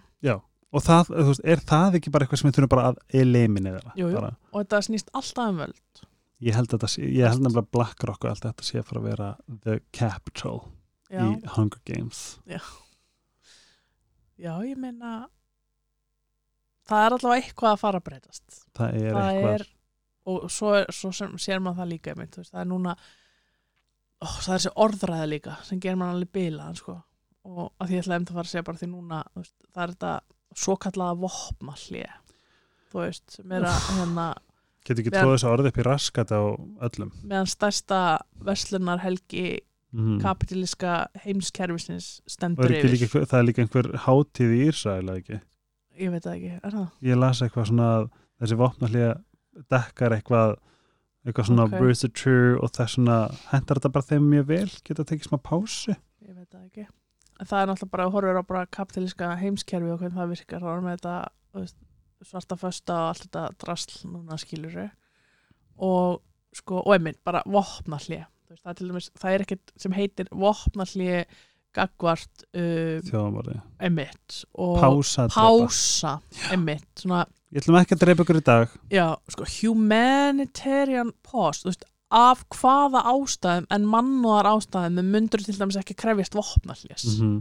Veist, og fyrir auðvitað það, vopnallið bendur til kynna að það séu tvær stríðandi fylkingar já, að takast á einhvern veginn. Einmitt. Og það er rosalega margt til dæmis, ok, eins og núna þá er verið að tala um frelsun gísla. Mm -hmm. og það er alltaf verið að tala um frelsun Ísra, eh, ísraelskra gísla og palestinskra fanga. Já, eins og börn sem eru handtekinn fangelsuð og látið sitja í áratugi fangelsi á þess að nokkuð tíma sjá komum inn í stríðsvetti já, séu ekki hérna gíslar, skiluru það er alltaf að tala um, með þess að rúf skrifar þetta sko. Já, það, já, já ég sá líka hérna um, börn sagt, Ísraelsk börn og uh, palestinst fólk yngra en átjánara Já. hvað er það annað en börn? Þetta er, þetta er svo stórkost á rúf eða ekki? Jú, já, ég, rúf, ég sá þetta bara öllum miðlunum, þetta sko og líka erlendum miðlum, Mm. sér maður þetta. Og það er til dæmis talað um Ísrael mjög mikið innrás í Ísrael og, og slíkt. Um, ef við horfum til dæmis bara Gaza langmest á svæðinu fyrir utan Gaza eru landtökubyðir þetta er Mhm. stólið palestinst land. Það sem er búið að byggja ísraelska landtökubyðir það er búið að landræningja þarna. Mhm. þannig að það sem fyrir einn mann er Ísrael það er fyrir næsta stólið land. Þannig að þetta, en þessi orðræða er bara svo villandi, hún er svo afmennskandi og þetta er Mhm. allt einhvern veginn gert til þess að um, íta undir emmi þess að ómannesku væðingu palestinskru þjóðarinnar og, og það er svona einmitt bara að því ég er aftur einhvern veginn tala um að skriða hún í hólu og bara guð hvað ég vildi að við getum bara Mhm. þú veist, gert það. En það er bara svo mikilvægt að, að hérna eins og til dæmis allt sem er eiga sér stað á samfélagsmiðlum. Við erum að sjá fólk bara posta, posta, posta maður sjálfur, veist, þetta er að fyrsta sem maður skoðar, þetta er að síðasta sem maður skoðar mann dreymir þetta. Mhm.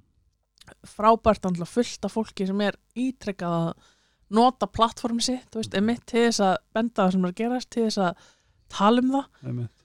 það er náttúrulega það sem við verðum að vera að gera veist, ég sko fó- fólkið á Gaza ef það bara gæti séð Já, veginn, já, hvernig heimurinn þú veist, er að, að bregðast við eins og, eins og ég las hérna, mér varst það svo flott. Það var hérna á Instagram sést, þau vildu útrýma Gaza, nei, þau vildu útrýma Palestínu en heimurinn varðað Palestínu. Það hljóma miklu betur á ensku þú veist, they wanted to destroy Palestine but the world became Palestine. Ángríns. Og ætla, þú veist, það þarf svo mikið að haldast. Veist, það er það sem að ég, veist, maður finnur ábyrgð. Maður bara er ekki að fara hægt að deila. Nei, ég menna við getum ekki hægt að deila meðan það er ennþá verið að drepa.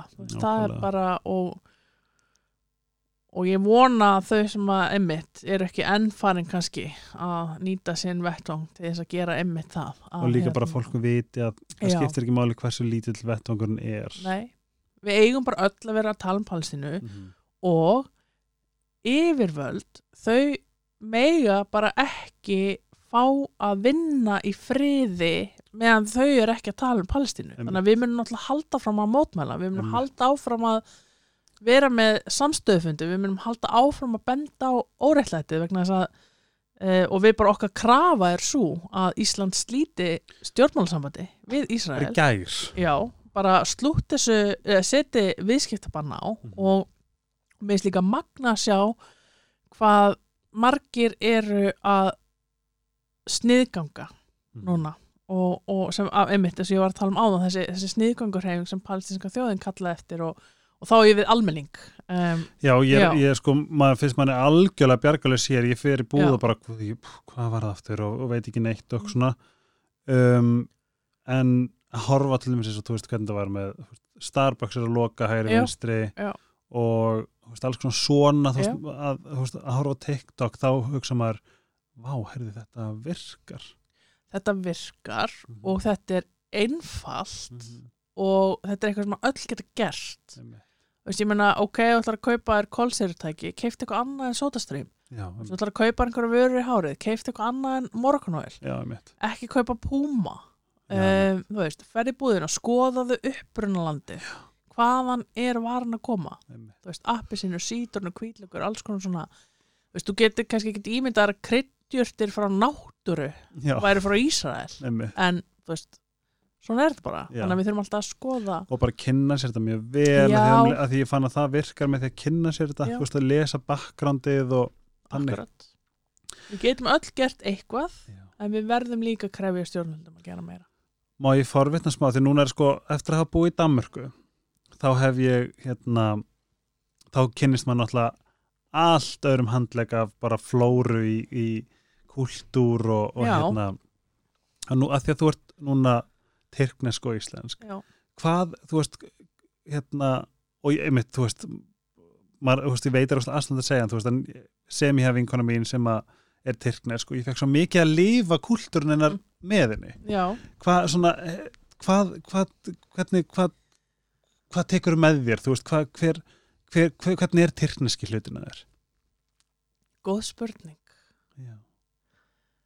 heldur jól ég held jól mm af því fyrir mér er jól um, fjölskyldu samkoma -hmm.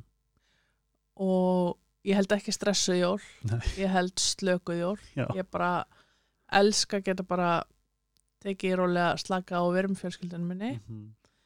um, og jól náttúrulega, já, já, hafa alltaf verið bara hluti af, af hérna, Svona íslensku já, já, ég meina ég er skýrð og ég er fermd líka, sko. Ertu- ertu- já, ertu fædd já, já, hér? Ég er fætt á Íslandi, Ah, já fætt á fjórungsjúkra á Snakurari Mamma er sem sagt íslensk, Mhm, pappi er frá Tísklandi, mhm, búin að búa hér að, já, örglum en 40 ár núna. Mhm. um, svo ég annan pappa, ég á hérna tvo pappa og ég á tvær systur og að ég á bara svona alls konar fjölskyldu og ég á mann og tvo hunda og, og hérna einhvern veginn svona eh, nær maður þess öllu, öllu saman og eins og ég, ég er skýrð, ég er fermt. Um, ég er sjálf trúlaus. Mhm, ég hef ekki hlotið neitt trúalegt uppeldi mhm, hvorki kristinni muslimst Mhm. bara öll mín fjölskylda er til tölulega trúlaus og hefur alltaf verið. Og það voru amma og afi líka í Tyrklandi og, og fjölskylda mín þar. Já, þú á- áttu flóra fjölskyldi þar líka? Já, amma og afi eru reynda dáin í dag og, og mín nánasta frænka en, hérna, en ég á fjölskyldu þar já. og elska að fara til Tyrklands. Er ég bara Hvar- dyrka það. Hvar er hérna fjölskyldan? Hvaðan er, hvaðan Eh, er svona uppruna? Istanbul Ok, ekki það. Og og afi sem byggu þar þannig að við vorum ekki þar og svo bjó frænka mín í Bótrum, Suðu Tyrklandi. Ég Já. rosalega góða hlutum bótrum elska Mhm. Bótrum mæli samt alltaf með Istanbul ef þú vilt fá bara svona þú veist, Tyrkland í æð Mamma og pappi fór í Já. sko krús já, og þá far- fara þeir alltaf út. Þau voru í, í Istanbul í hvort það væri bara í hálfan daga eitthvað. En samt stóð það bara já, alveg bara þá, ég held að það voru bara lang upp á allt já, það er bara ég elska Istanbul, það er bara allt einhvern veginn við, við hana. Um, ég er sem sagt svolítið mikið alin upp í fótbolta. Mm. ég æði fótbolta og ég er svona hvað ég segja það er svona, ég og pappi eigum rosa mikið fótboltan okay. saman. Um, við semst ég, við erum frá Istanbul við erum frá hverfi sem heitir Fenerbahce sem er líka stundum gott fótboltalið. Um, og ég elska líka bara að segja til dæmis frá því að, að hérna sko pappi bjó í gul og bláu húsi. Það var sem sagt húsi var gult með bláu þaki. Já, það er hann já, fyndi Fenerbahce, Mála hann það? Hann málaði Nei. það já, og sko hér á Íslandi. Það já, í Kópói þannig ég, ég, svona, ég, ég veit ekki hvort það passi alveg ennþá akkurat við núna en ég hef alltaf sagt að sko Tyrkir hafi skipt út ástriðin á fótboltanum fyrir trúabröðin það er bara, það er bara fótbolti, það er Fótbolti eru liðið vist trúabröð sko líka. Já, ég bara, en trúar ofstækið er svolítið að taka aftur yfir í Tyrklandi, þess vegna veit ég ekki alveg hvort ég er alveg við en ennþá. En Mhm. hérna, ég hef alltaf jú, og þetta, það er bara fótboltin er veist, og liðið þitt og veist, það er svo mikið rígur á milli, þetta er einhvern veginn Liðana já, Aha, það er bara, já ég meina á, stærst ástæð fyrir því þegar tyrkneska landsliðin gengur illa er bara vegna að menn í mismunandi hérna, félagsliðin bara get ekki spila saman. Það er bara, já þú veist þetta er bara þú veist þess að þú ert með, eins og bara í Istanbul þú ert með Fenerbahce, þú ert með Galatasaray tvö rísa lið bara Liverpool og mann bara sikkur með við Já. hérna brúnna skilur og þetta er bara en það hefur alltaf verið og svona mikið af mínum skemmtilegustu minningum er einmitt þegar svona Tyrkja samfélagi hérna heima hittist alltaf að horfa stórleikina veist, í gulabláhúsinu og hérna þannig að það er svona kannski mikið af því sem einmitt ég svona hef frá og, og sem ég og pappi var Já. veist Ég verð að spyrja um, um hérna Já. ertu, ertu meira Tyrklands megin eða Íslands megin? það var svona næsta sem ég ætla að segja að hérna, maturinn sko já, Vá. fucking joke Það er svo mikið af góðum tyrkneskum veitingustum í, í sko hérna Danmörku Já, fyndið, hérna, pappi minn bæði opnaði fyrsta kebabhúsi á Íslandi. Nei, Jú, það er kebabstan ég held það að sín, skrilljón árum, sko. hvað heitir hann? Hann, hann hét kebabhúsi. Já, ok, Það í þeirri myndir ekki til lengur. Þannig að ég held að þessi nýlega búið að opna kebabstað um, það sem að Devitos var nýri bæ Ég komi, já, ég komi kebab þar. Já, Ok, og ekki nóg með það að þessi kebab, þetta er ég bara besta kebab sem ég smakkað ok. Það er eitt kebab í Vestubrú í Danmörku, Aha, aha. besta kebab Já. bara í heiminum og svo var það ógslag random, ég er bara svangarleðin heim Já, já, fuck off, Oh bara my eitt God, besta kebab sem ég ég var að tjekka því. En svo ef ég smakka hjá semi hjá fjölskyldin hennar. Þá var bara svona matabóð það var bara já, allt þú veist, ke kebab er eitt svo Já. er náttúrulega allt og það var sko, bara ábersín og það var bara eitthvað svona, þú veist, þetta var bara endalaust og maður stútfyllti diskin nú loka ég bara augunum og sé fyrir mér alltaf kræsingarna þetta er ekki eðlilega sko fascinerandi matarkúltur þarna. Nei, ég, ég held að ég eldi nei, ég held ekkert. Ég, allt örgla sem ég elda er einhvern veginn frekar tengt Tyrklandi sko. Mhm. já, ég hérna þú veist, stert, laukur chili, emmitt, þú veist eggaldinni í alls konar formi, babaganús Babaganús, já. bara svo er eitthvað krydd ón á einhverju sem er bara besta krydd sem smaka mögulega Mæ- hérna, oh, nú er alls stóluður mér ég var með þetta bara þegar byrjaði að segja þetta en hérna, en pappi líka sko, ég er alltaf að reyna elda eins og pappi, já. Ég get það ekki það er aldrei neitt en svo fyrir þetta, svo er þetta hérna svo er þetta svona já, svo, svo er mér svona, þú veist já, algjörlega, en ég líka bara svona, ég elda sem hlutina, þeir eru bara Já. aldrei af góður Nei, en svo, ég held það ekki hægt svo held ég að mannir mínu finnst allt sem ég geri geggi gott, svo smakkaði hann, þú veist, maturinn af pappa og, en, en og pappi hefur náttúrulega alltaf verið og einmitt, og það er svo allt eh, snýst svo mikið um mat Mhm. og það var alltaf einmitt bara heimja um að alls konar réttir, bara hvað vilduru þú veist, Já. það er allt bara svona til einhvern veginn og eins og ég, pappi var alltaf lengi í þessum bransa og hérna í dag er náttúrulega kebabhús út um allt en þá var þetta bara því kebabhúsi þú veist, 90 og eitthvað sko það var í kringlunni, grensa svo nýri bæ það brann, það var á hotninni hérna að bruni, eitthvað sem mást því það er langt síðan Ok. Pravda Já, Já, einmitt. Jú. já, var Já. þar Og hérna, já, þannig að matur hefur alltaf verið og, og, æ, og bara menningin er svo frábær ég vil ekki byrja að tala um rakku skilur Hvað það? Svona, það er drikkur ég veit ekki, kannski þekkir úsó eða arak sem er gríska eða arabiska þetta er svona, þetta er- svo lakris ah, okay. já, og en ég var náttúrulega bara til í að fara sko, sko. við, Já. ég hef, við höfum talað um bara, okkur, svo verið borgarverði mér og Petri og við Já. tölum um til Ístabúl ég sagði bara, ég var bara til að fara um til að borða já, Búndur. orða, horfa Já. njóta, það er bara við langar bara að sjá kultur líka Já, það, það er einhvern veginn, það er sko saga Tyrklands, hún er náttúrulega alls konar og veist en og fólk er oft með alls konar hugmyndir um Tyrki mm um, sem oftar en ekki byggja á alls konar fordómum. -hmm.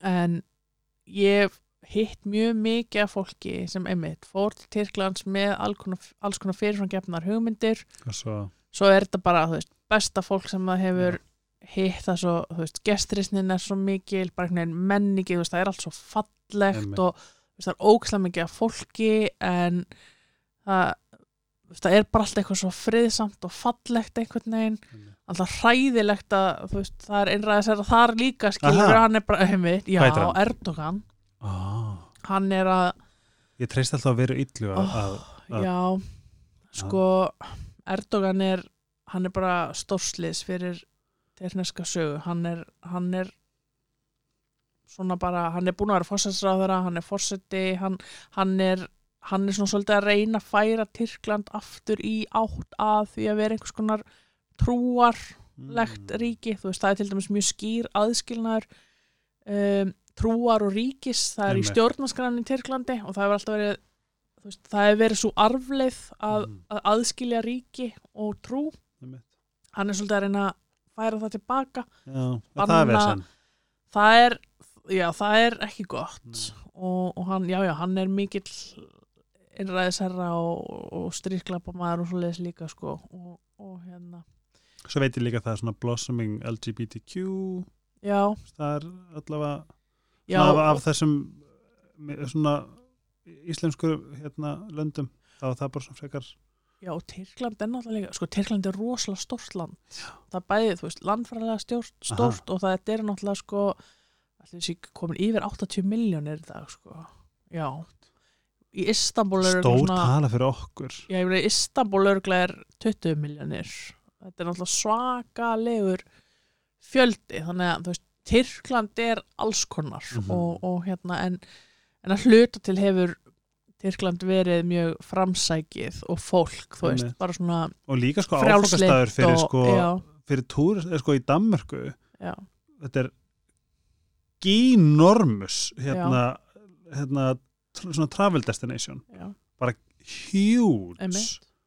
Já, Veist, þetta er bara svo, þetta er svo tenni fyrir okkur sko já, örglega einmitt. bara ógeðslega mikið bóði geggjuð hótel, geggja strendur og slíku upp á að fá veist, geta farið á staði sem er bara blúsandi öðruvísi kultúr og einmitt matur og Já, og ég held ef ég fer aftur bara svona líka til uppræðanlega spurningarnar Mm. að sko hver ég einhvern veginn er Mhm. í dag ég held að við algjörlega móta mig að ég er Íslendingur, ég er Tyrki Mhm. þetta eru tvö rosalega mismunandi, þetta er mismunandi menning þetta er mismunandi veist, trúabrið allt veginn, þetta er, mm. þetta er rosalega ólíkt Mhm.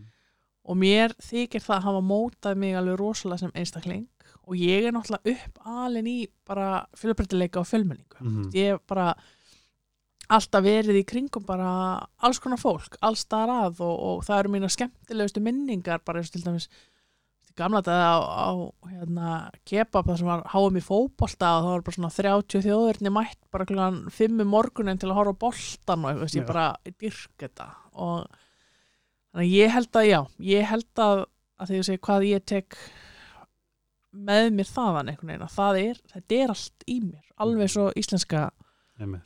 hliðin mín einhvern veginn, ég einhvern veginn bara réttlætiskendin, siðferðið get ekki hort upp á þetta óréttlæti endalöst einhvern veginn, ég held að þetta sé þetta er bara ég og og það sem Já. þú ert er mjög mikilvægt fyrir okkur hinn bara svona ef ég fæ að bara fyrir tala það. fyrir mörg okkar og, og bara allt það sem þú gerir, ég veit, það er svolítið svona eins og Maya Angelou sagði eitthvað svona, þú veist, I stand alone but, nei, I came, I come, alo- ca- come as one but I stand as 10,000 eða eitthvað, bara þú veist að við erum veist, það sem þú gerir, það erst að gera þú veist, við erum we're right there behind you. Bara takk fyrir að koma því lík ánægja að fá þig og kynnast þig betur og þú ert svona þú, þú ert svona gott dæmi um þetta, að þetta never meet your heroes það, það gildir ekki alltaf.